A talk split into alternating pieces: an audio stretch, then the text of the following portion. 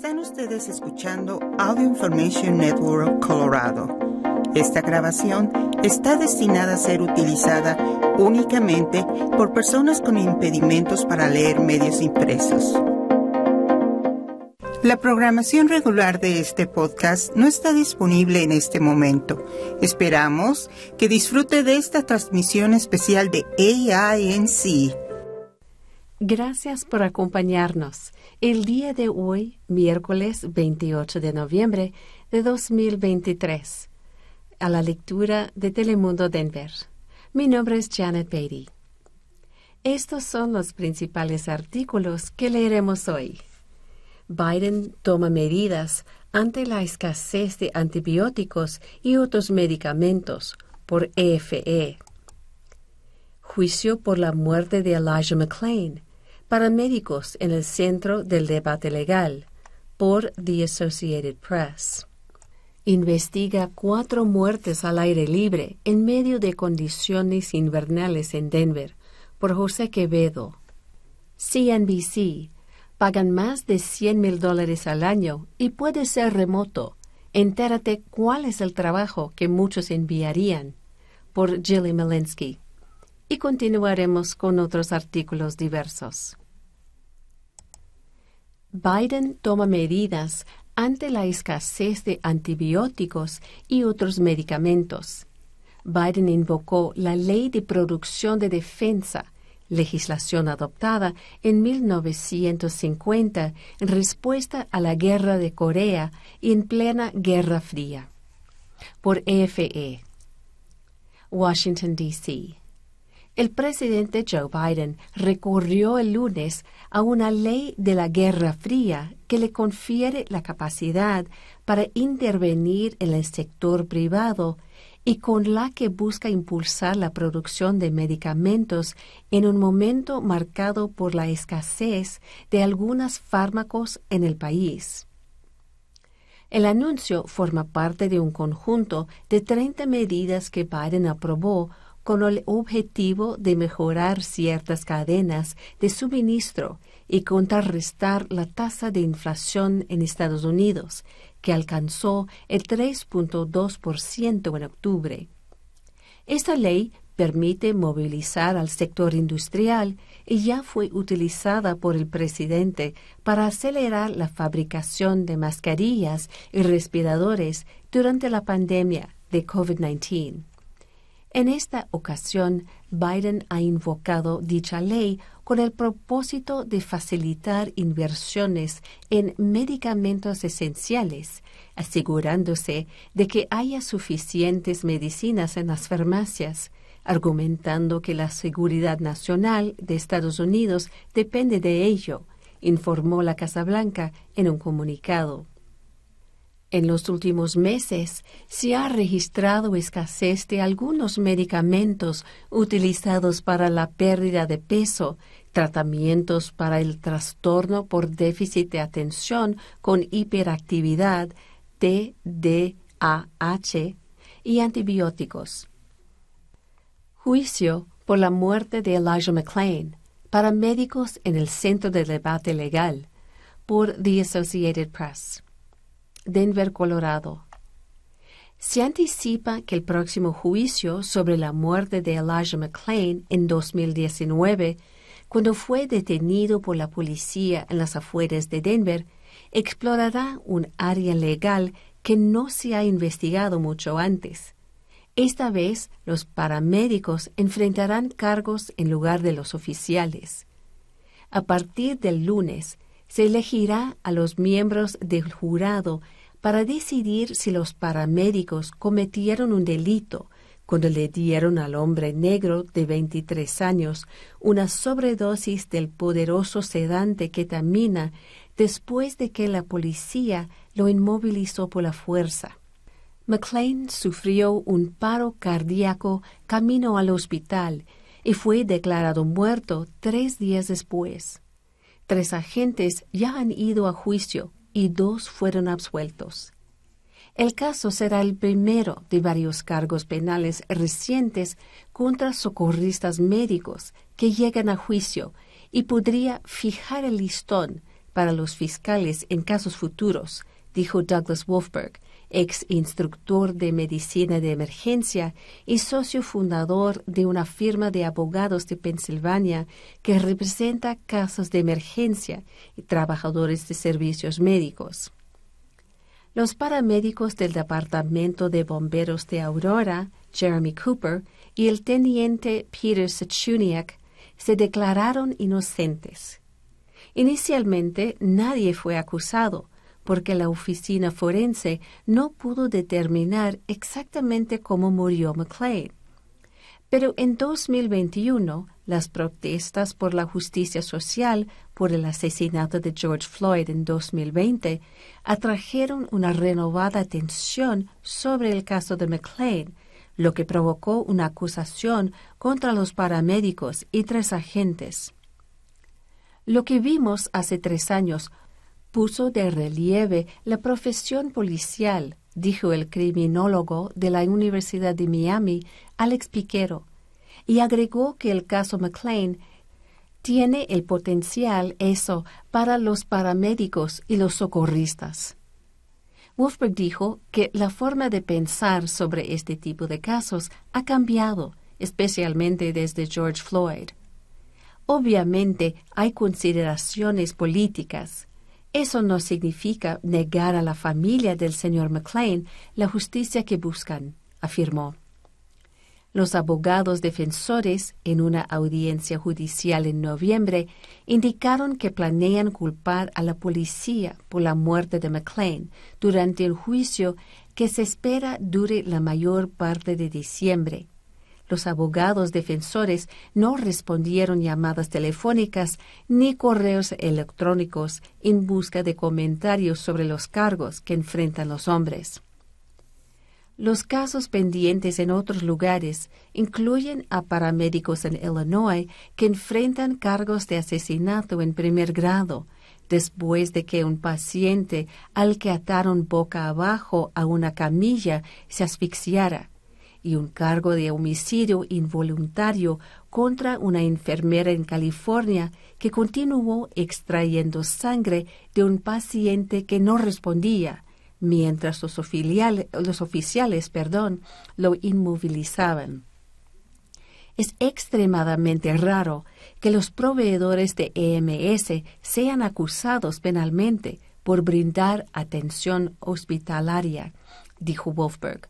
Normalmente se trata de una cuestión de negligencia médica, un caso de negligencia que es civil y rara vez penal. Esto abre nuevos caminos. Uno de los agentes de policía acusados de la muerte de McLean fue declarado culpable el mes pasado de los cargos menores que enfrentó, homicidio y agresión en tercer grado, después de que los abogados defensores intentaron culpar a los paramédicos. Otros dos agentes fueron absueltos por el jurado tras juicios que duraron semanas. Cooper y Sechuniak están acusados de homicidio involuntario, homicidio por negligencia y varios cargos, cada uno de agresión, todos ellos delitos graves. Su papel en la muerte de McLean cobró gran importancia en los juicios de los primeros oficiales. Los abogados de uno de los oficiales absueltos trajeron a un testigo experto pagado que fue contratado por los fiscales estatales para trabajar en el caso de los paramédicos. La doctora Nadia Yovets Tereshenko médica de urgencias que trabajó como paramédico, dijo que las acciones de Cooper y Sechuniak estuvieron significativamente por debajo del nivel de atención esperado. Ella testificó que los paramédicos se quedaron atrás observando a McLean desde la distancia mientras la policía los sujetaba, no lo examinaron antes de la inyección de ketamina y no lo monitorearon después. Los expertos de la Fiscalía también testificaron durante los juicios anteriores que la ketamina finalmente causó la muerte de McLean, y algunos dijeron que la parada violenta del oficial puso en marcha los acontecimientos que contribuyeron a ella. El informe forense enmendado, emitido en 2021, encontró que McLean murió porque le dieron demasiada ketamina. Sin embargo, el patólogo forense Steven Sina señaló que la cantidad encontrada en la sangre de McLean estaba dentro del rango normal, normalmente, perdón, considerado seguro. McLean fue detenido la noche del 24 de agosto de 2019 mientras caminaba a casa desde una tienda, escuchaba música y llevaba una máscara que cubría la mayor parte de su rostro. La parada policial rápidamente se volvió física después de que McLean, aparentemente tomado por sorpresa, intentara seguir caminando. Estaba desarmado, y no había sido acusado de cometer ningún delito. Un oficial lo dejó inconsciente brevemente cuando lo sujetó por el cuello, lo que llevó a la policía a llamar a los paramédicos mientras los agentes lo sujetaban en el suelo. Cooper y Sechuniak negaron que les hubieran dicho que se les había aplicado la sujeción del cuello, según su acusación antes de la inyección de ketamina, se pararon cerca de McLean y no le hablaron ni le preguntaron nada antes de diagnosticarlo en aproximadamente dos minutos con delirio excitado. Habían sido entrenados por tratar la condición que supuestamente vuelve a las personas hiperagresivas, según el documento. Los críticos dicen que la condición se ha utilizado para justificar la fuerza excesiva y algunos grupos de médicos rechazan el delirio excitado como diagnóstico. En el caso de McLean, los fiscales dijeron que el diagnóstico fue inexacto porque los paramédicos no evaluaron adecuadamente sus síntomas. Un informe de 2021, elaborado por expertos contratado por Aurora para revisar la muerte de McLean, encontró que no se había movido ni emitido ningún sonido durante más de un minuto antes de ser inyectado. Sechuniak, supervisor del equipo de paramédicos del Departamento de Bomberos de Aurora, pidió a los médicos que trabajaban para una ambulancia privada en el lugar que prepararan la inyección de ketamina para McLean, según la acusación. Cooper le inyectó 500 miligramos de ketamina, una dosis apropiada para alguien que pesaba más de 90 kilogramos, 200 libras, según la acusación. McLean pesaba solo 143 libras, 65 kilogramos. Antes de la inyección de ketamina, las imágenes de la cámara corporal muestran a Cooper preguntando a la policía si McLean hablaba inglés, y el oficial Randy Rodima, el oficial condenado en el caso, respondiendo, habla inglés, pero definitivamente está tomando algo. Los fiscales en el juicio de Redima dijeron que usar un lenguaje como ese, que sugería que McLean había provocado delirio, convirtió a los agentes de policía en cómplices de la decisión de los paramédicos de darle ketamina a McLean. Dos días, dos días perdón, después de la muerte de McLean, los funcionarios de Aurora emitieron un comunicado diciendo que se administró a McLean un medicamento estándar utilizado habitualmente para reducir la agitación y redujo la ansiedad exhibida. Los asesinatos de McLean, Floyd y otros desencadenaron una ola de legislación que puso límites al uso de inmovilizaciones en el cuello en más de dos docenas de estados, incluido Colorado, que ahora también ordena a los paramédicos que no administren ketamina a personas sospechosas de haber excitado el delirio. La afección se había descrito en un informe médico de urgencias retirado desde entonces y se manifestaba con síntomas que incluían un aumento de la fuerza. Los críticos han calificado el diagnóstico de anticientífico y arraigado en el racismo. La ciudad de Aurora acordó en 2021 pagar 15 millones de dólares para resolver una demanda presentada por los padres de McLean. Investiga cuatro muertes al aire libre en medio de condiciones invernales en Denver, por José Quevedo, Telemundo Colorado. Denver, Colorado. La policía de Denver está investigando cuatro muertes al aire libre reportadas el sábado y el domingo en medio de condiciones invernales.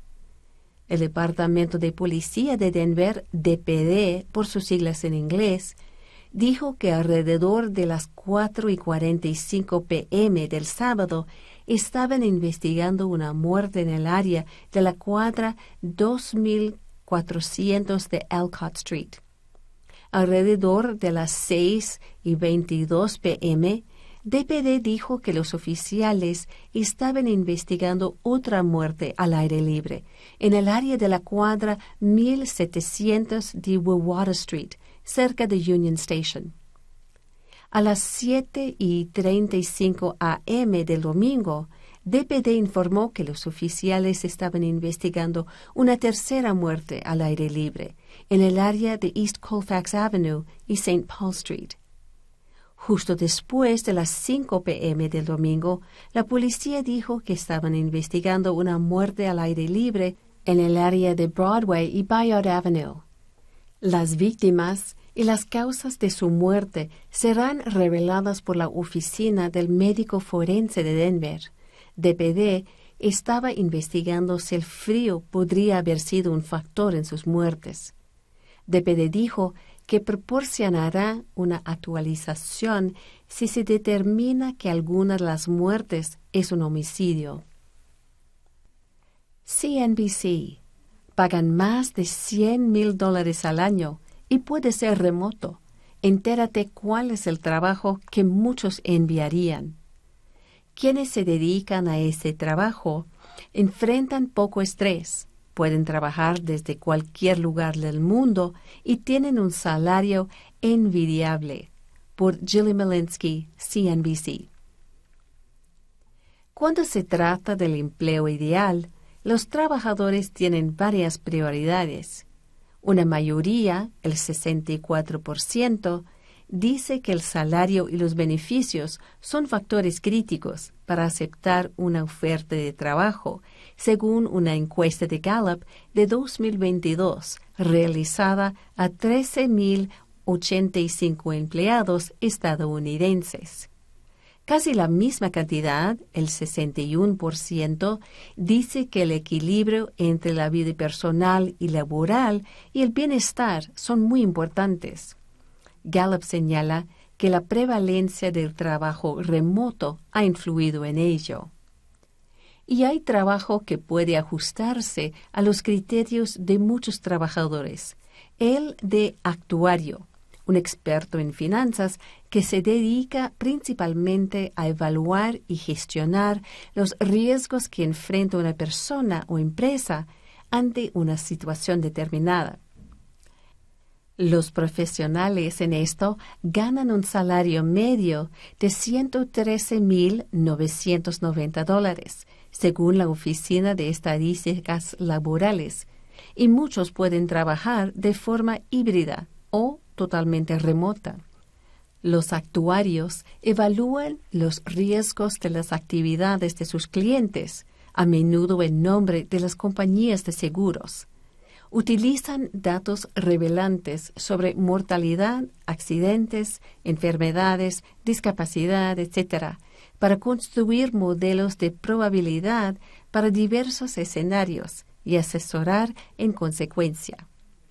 El trabajo a menudo requiere una licenciatura específicamente enfocada en un campo como matemáticas o estadística y experiencia en el puesto. Los actuarios normalmente necesitan saber cómo codificar o conocer software, dice Vicky Salami, experta profesional en Monster, y agrega que también necesitan habilidades sociales y de comunicación para poder analizar e interpretar estos datos y entregarlos. Es posible que algunas empresas también quieran que los candidatos sean miembros de grupos actuariales, como la Casualty Actuarial Society, que requiere que los miembros aprueben una serie de exámenes. Más allá de su alto salario y flexibilidad, el trabajo también tiene demanda. BLS proyecta que el empleo actuario crecerá un 23% entre 2022 y 2032. Eso es mucho más rápido que el promedio, dice Salami. Esto podría deberse a factores como los cambios climáticos, afirma podría ser más necesario evaluar cuál sería el riesgo, por ejemplo, de tornados, inundaciones, huracanes, etc. Una última ventaja del trabajo es comparativamente poco estresante. La red de información ocupacional del Departamento de Trabajo clasificó 873 ocupaciones según su tolerancia al estrés o si el trabajo requiere o no aceptar críticas y lidiar con calma y eficacia con situaciones de alto estrés. La clasificación se basa en una escala de cero o menos estresante a 100 o más estresante.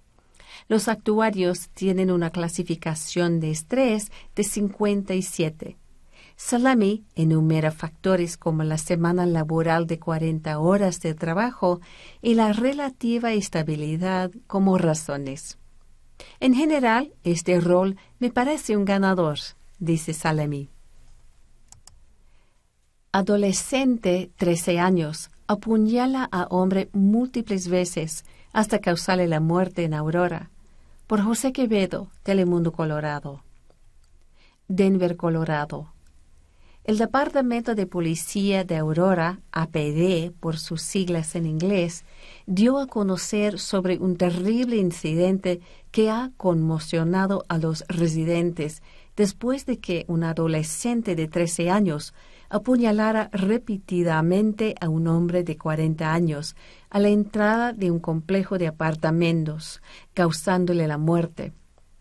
El incidente que tuvo lugar el domingo por la noche, según la policía, implicó múltiples puñaladas en el torso de la víctima por parte del menor. A pesar de los esfuerzos de los paramédicos, el hombre no sobrevivió. La identidad del agresor, un menor de edad, se mantiene en reserva por las autoridades policiales. Sin embargo, la comunidad se encuentra aturdida y preocupada por los motivos detrás de este trágico acto. Es terrible y podría haber sido bajo los efectos de las drogas, expresó Jacqueline, una residente de Aurora, a reaccionar al violento suceso. La falta de claridad sobre las motivaciones detrás del crimen ha dejado a los vecinos en un estado de consternación. Es aterrador si lo piensas, mencionó otro vecino, subrayando la inquietud que ha generado este incidente en una zona considerada como tranquila. La entidad del fallecido se mantendrá en reserva hasta que se notifique a sus familiares. La espera de respuestas por parte de la policía es palpable entre los residentes, quienes exigen una mayor atención a los niños y una comprensión sobre el porqué de este acto violento. La detención de la adolescente ha generado interrogantes y un llamado a la reflexión sobre la atención y cuidado que se debe brindar a los menores en la comunidad. Los Dreamers tendrán que seguir esperando. Descartan por ahora aprobar un camino a la ciudadanía. El Congreso debate un acuerdo de seguridad fronteriza en el que se incluirán leyes de asilo más estrictas a cambio de la ayuda adicional para Ucrania, por NBC News. Es poco probable que un camino a la ciudadanía para los jóvenes migrantes protegidos por el programa DACA se incluya en un acuerdo de seguridad fronteriza que los congresistas están tratando de debatir esas últimas semanas del año. El senador Tom Tillis, republicano por Carolina del Norte, dijo a los periodistas que esta posibilidad no formará parte de ningún acuerdo final. Si vienen a decirme que teníamos que incluir DACA y un camino hacia la ciudadanía en este proyecto de ley, sería la última discusión que tendrías conmigo sobre la seguridad fronteriza, dijo Tillis. Este no es el momento, ni el lugar, ni la política para que esto funcione. El senador Chris Murphy de Connecticut uno de los principales negociadores demócratas en las conversaciones, dijo que si bien el DACA es una prioridad que los demócratas querrían en el acuerdo, no se alinea con lo que los republicanos quieren que sea el proyecto de ley final. Creo que ha quedado claro desde el principio que los republicanos obtendrán algunas cosas que quieren, Habrá algunas áreas en las que tendremos un acuerdo mutuo y habrá algunas cosas que los demócratas querrán, dijo Murphy a los periodistas. Los republicanos exigen medidas de seguridad fronteriza más estrictas y leyes de asilo más estrictas a cambio de la ayuda adicional para Ucrania solicitada por el gobierno de Joe Biden. Los líderes del Congreso pretenden aprobar una legislación antes de Navidad que incluya más apoyo económico para Israel, Ucrania y el Indo-Pacífico. Los negociadores en el Congreso han estado trabajando para diseñar un paquete de inmigración que equilibre el aumento de recursos para la seguridad fronteriza y al mismo tiempo endurezca las políticas de asilo de una manera que sea aceptable para los conservadores sin alienar a los demócratas progresistas. Según Tillis, se han logrado avances realmente buenos en la mayoría de los frentes, incluido el asilo, pero la libertad condicional es un importante escollo. La legislación debe incluir términos sobre parole, dijo Tillis, quien ha amenazado con no votar por fondos suplementarios para Ucrania o Israel sin concesiones de los demócratas. Sin eso, la gente como yo no voy a apoyar la ayuda, a pesar de que yo apoye la financiación de Israel y Ucrania, advirtió Tillis. Si no tiene seguridad fronteriza, y no la tiene, no tiene mi voto y no tiene una mayoría de republicanos. Murphy y el senador James Lankford, republicano por Oklahoma, quien, según Tillis, había asumido como negociadores principales, se reunieron el lunes por la noche en el Capitolio para conversaciones que, según dijeron, debían concluir esta semana. No sé si podremos llegar allí. Las demandas republicanas son bastante, bastante altas, pero estamos intentando, dijo Murphy a NBC News. La sentencia que recibió popular ex luchadora de la WWE por causar accidente mortal estando ebria. Por Minnie Von Burke, NBC News. La ex luchadora de la WWE, Tamara Sitch, fue sentenciada a más de 17 años de prisión de causar un accidente automovilístico mortal en estado de ebriedad. Julian LaFrancis Lasseter, de 75 años, murió en el accidente de marzo de 2022 en el condado Volusia, Florida. Otras cuatro personas reportaron lesiones en este momento, pero no requirieron hospitalización inmediata, según una declaración jurada de acusación. La juez, Karen Foxman, dijo que Sitch era culpable de conducir contra el vehículo de Lasseter bajo la influencia de alcohol, según WESH de Daytona Beach, afiliada de NBC. Su nivel de alcohol en sangre era de .280, más de tres veces del límite legal, según la declaración jurada de la acusación.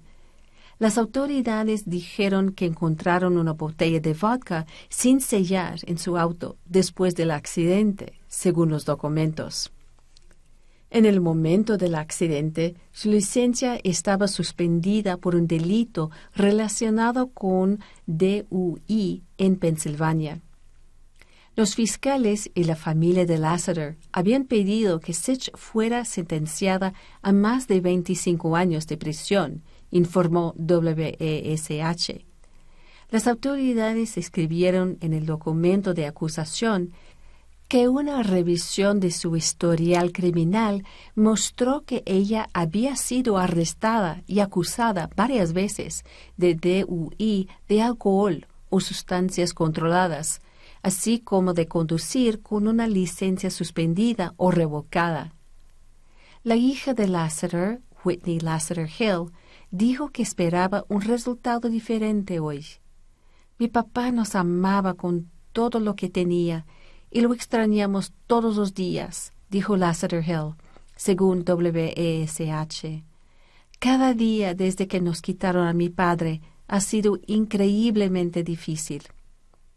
Sitch dijo que se arrepintió de su decisión esa noche.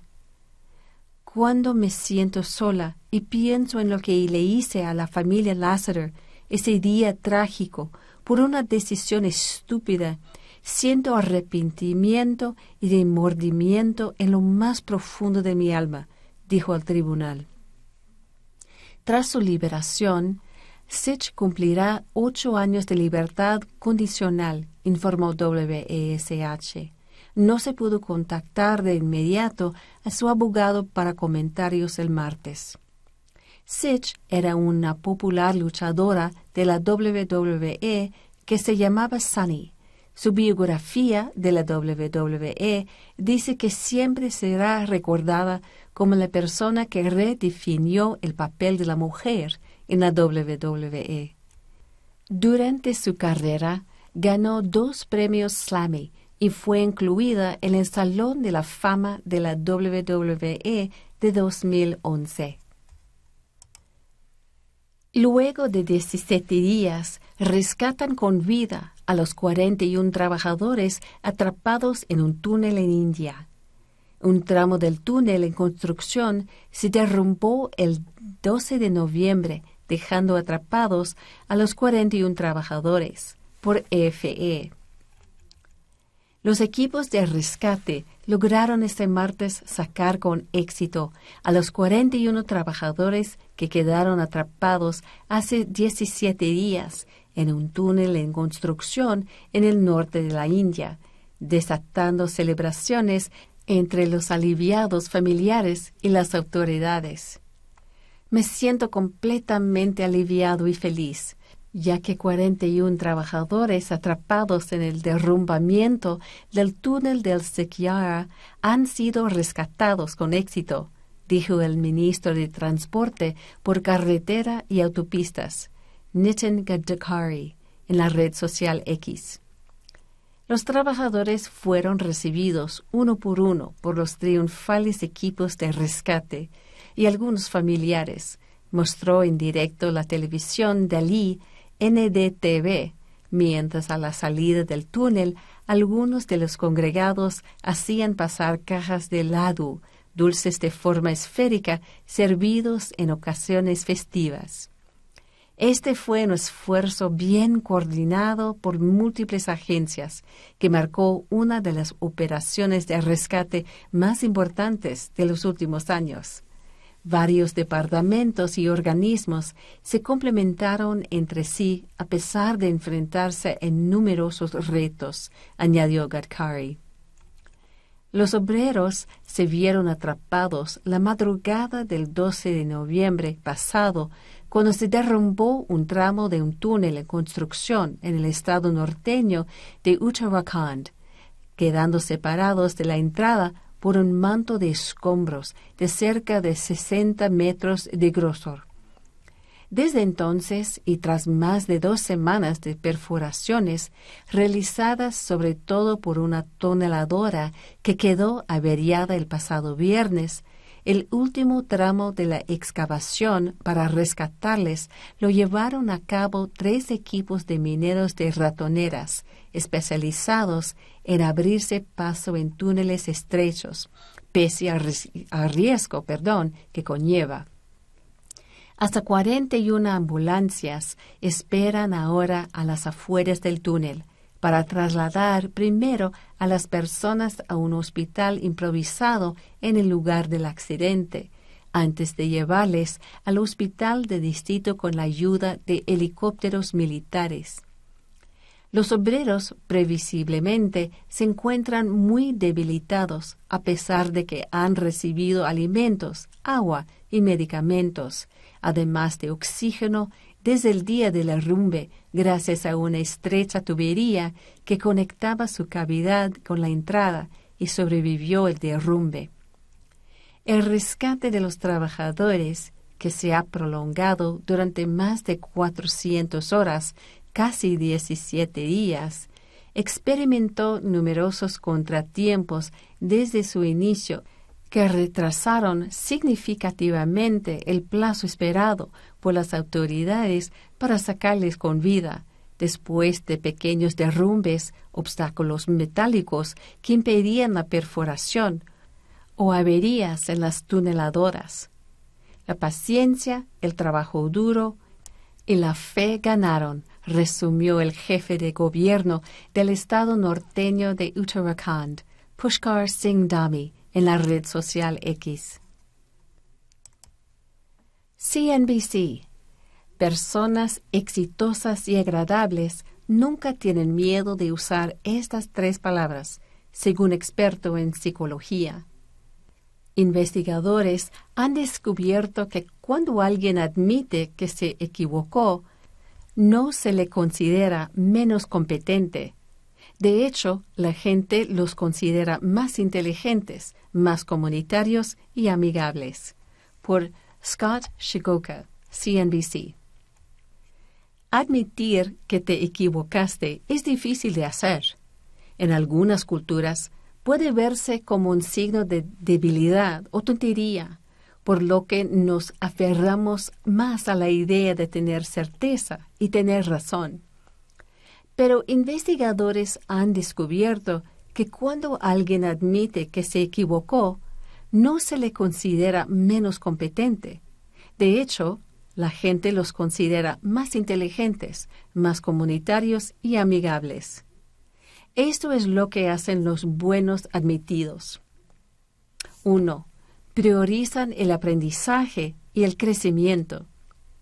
Cuando replanteas el aprendizaje como algo ganador, avanzas hacia la comprensión, en lugar de contar las veces que has acertado o equivocado. Un estudio realizado por las psicólogas Carol Dweck y Karina Schumann respalda esto y descubre que es más probable que asumamos la responsabilidad de nuestros errores si creemos que tenemos el poder de cambiar nuestro comportamiento. La clave es recordarte a ti mismo que, aunque tu comportamiento haya sido incorrecto, puedes cambiarlo en el futuro. Y el hecho de que admitas haber actuado mal no significa que estés diciendo que eres una mala persona. 2. Piden más información. Cuando alguien te diga que estás equivocado, en lugar de ponerse inmediatamente a la defensiva, siente curiosidad por saber por qué te dice eso. Responda con ¿Puedes contarme más? y escuche realmente lo que tienen que decir. Esto no solo te hace más receptivo a la retroalimentación y a los pensamientos de la otra persona, sino que también tiene el potencial de ampliar tu forma de pensar sobre un tema o cuestión. te volverás menos combativo con las opiniones de los demás y al mismo tiempo desafiarás tu propio sentido de certeza. 3. Recuerda que los humanos están hechos para perdonar.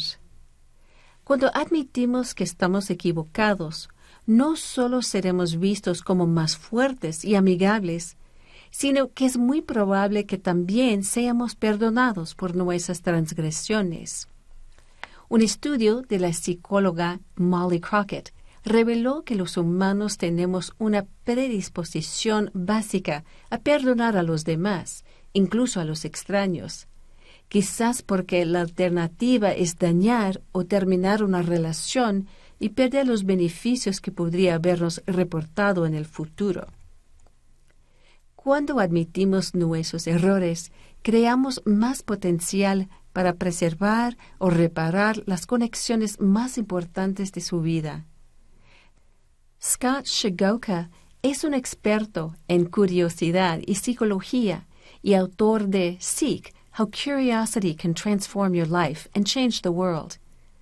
Es conocido por traducir la investigación en estrategias que promueven el bienestar positivo y las relaciones conectadas en todo el mundo, incluso en el Greater Good Science Center de UC Berkeley y a través de sus cursos en la Universidad de Texas en Austin. Ha dado charlas en Pixar, IDEO, Airbnb, Google y universidades de todo el mundo. Síguelo en Instagram y LinkedIn. ¿Piensas viajar a Francia? Podrías recibir una multa si fumas en estos lugares públicos. Los legisladores también pretenden proscribir los cigarrillos electrónicos descartables por The Associated Press. París.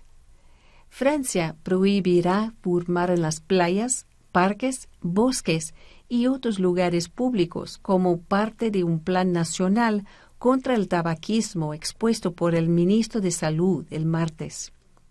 El tabaco causa anualmente 75 mil muertes evitables en Francia, dijo el ministro de Salud, Aurélien Rousseau, por la televisora BFM.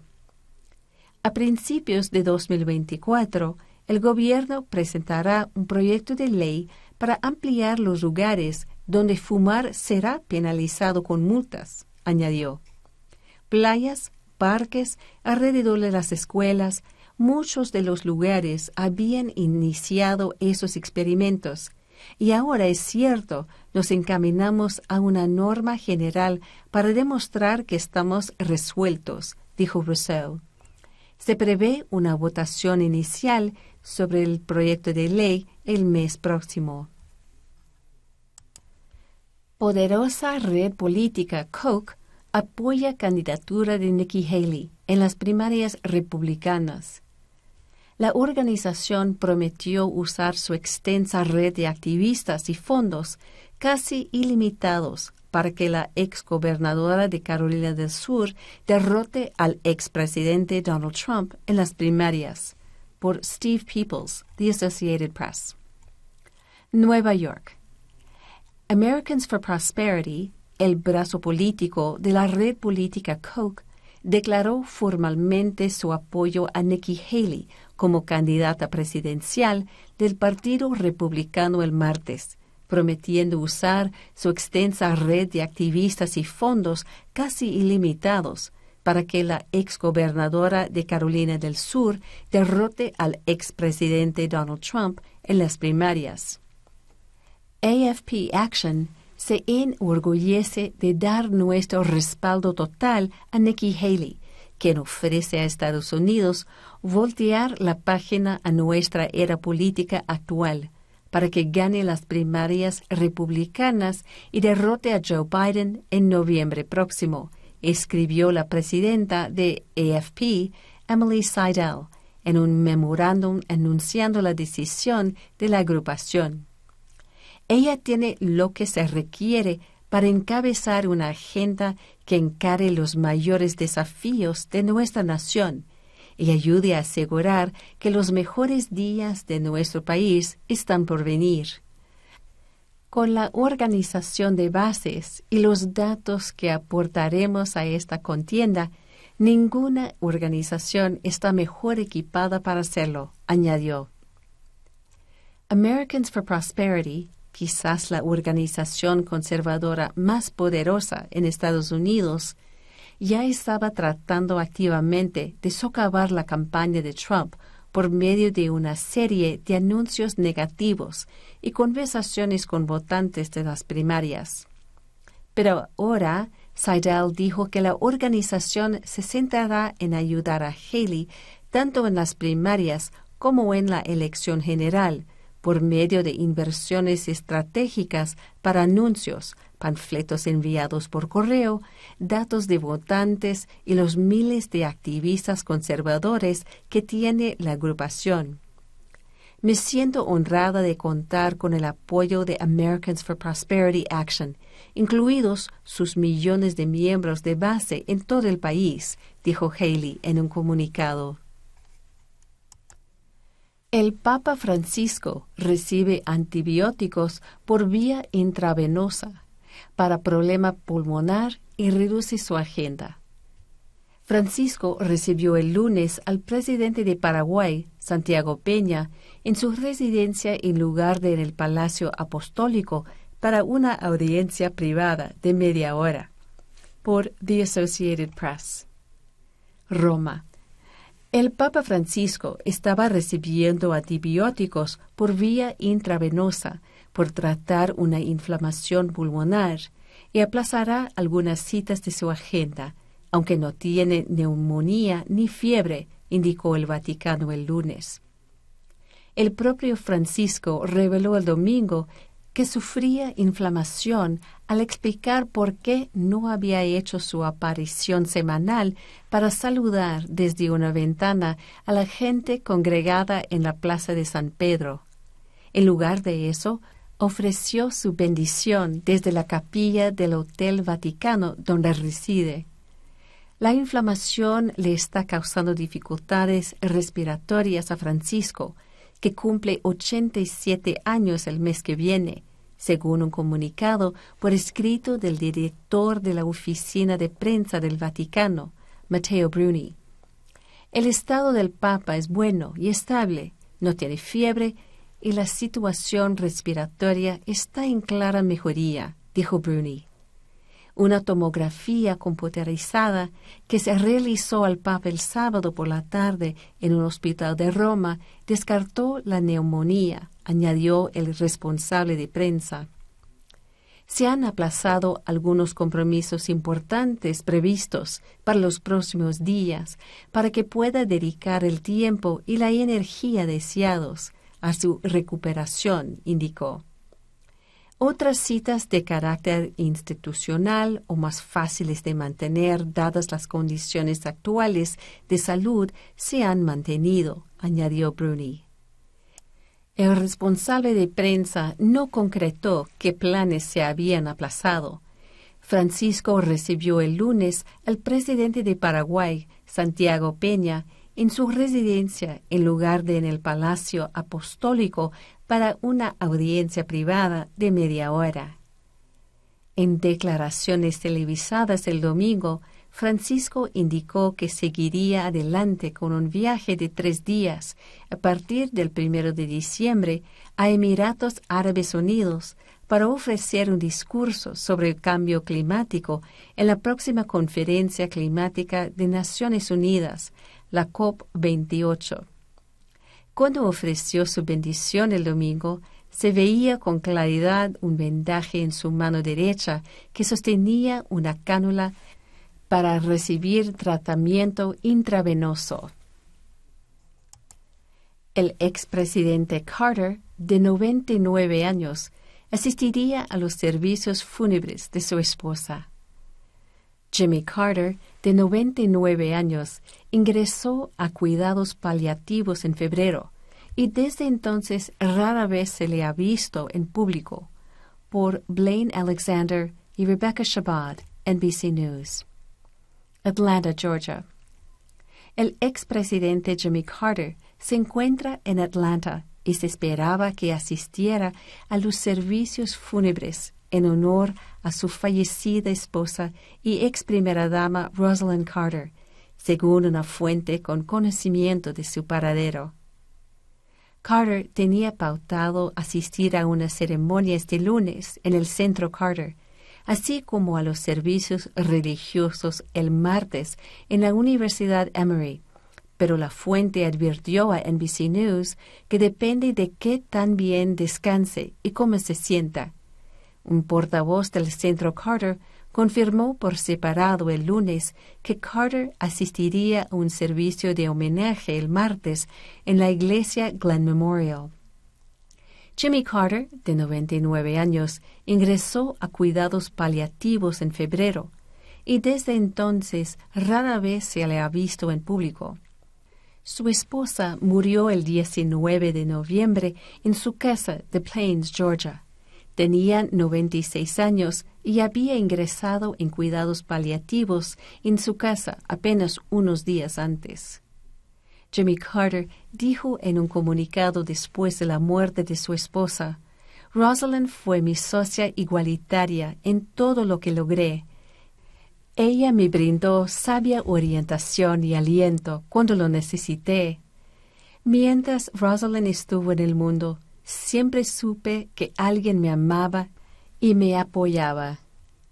El expresidente cumplió 99 años a principios de octubre y es el exmandatario estadounidense más longevo de la historia. Él y su esposa hicieron una aparición en septiembre en un festival en su ciudad natal, viajando juntos en una camioneta negra durante el Plains Peanut Festival.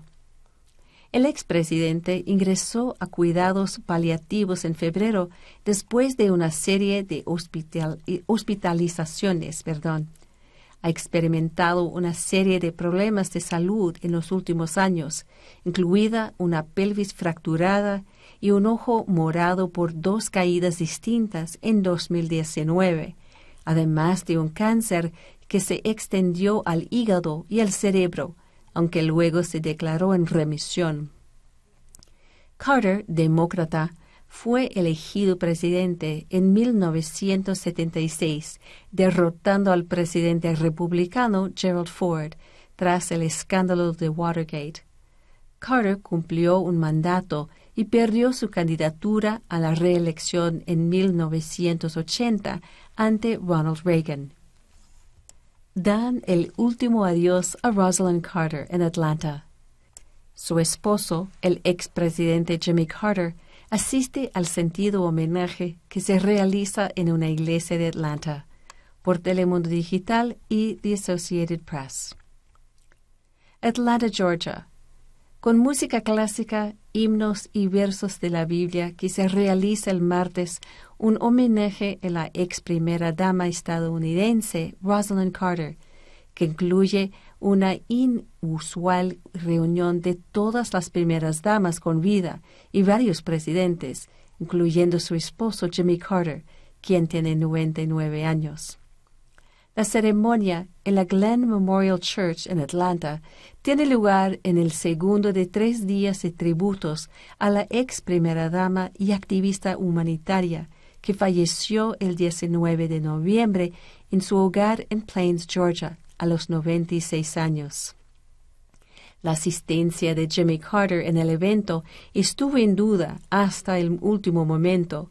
El exmandatario está en cuidados de hospicio desde hace diez meses. Se trata de la primera aparición pública desde septiembre, cuando junto con su esposa participó en un desfile por Plains, pero solo en un vehículo del servicio secreto. Jimmy Carter, quien acompañó a su esposa en sus últimos momentos, no asistió públicamente a la procesión y colocación de ofrenda floral el lunes en la Georgia Southwestern State University en Americas, el alma mater de Rosalind Carter. El presidente Joe Biden y la primera dama Jill Biden, viejos amigos de los Carter, encabezan la lista de dignitarios que acompañan al expresidente en Atlanta.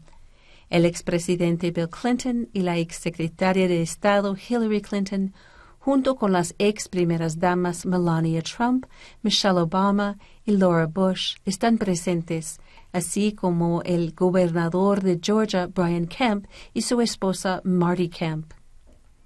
Los expresidentes Donald Trump, Barack Obama y George W. Bush fueron invitados, pero no asisten. Gracias por habernos acompañado en esta emisión de Telemundo Denver. Mi nombre es Janet Beatty.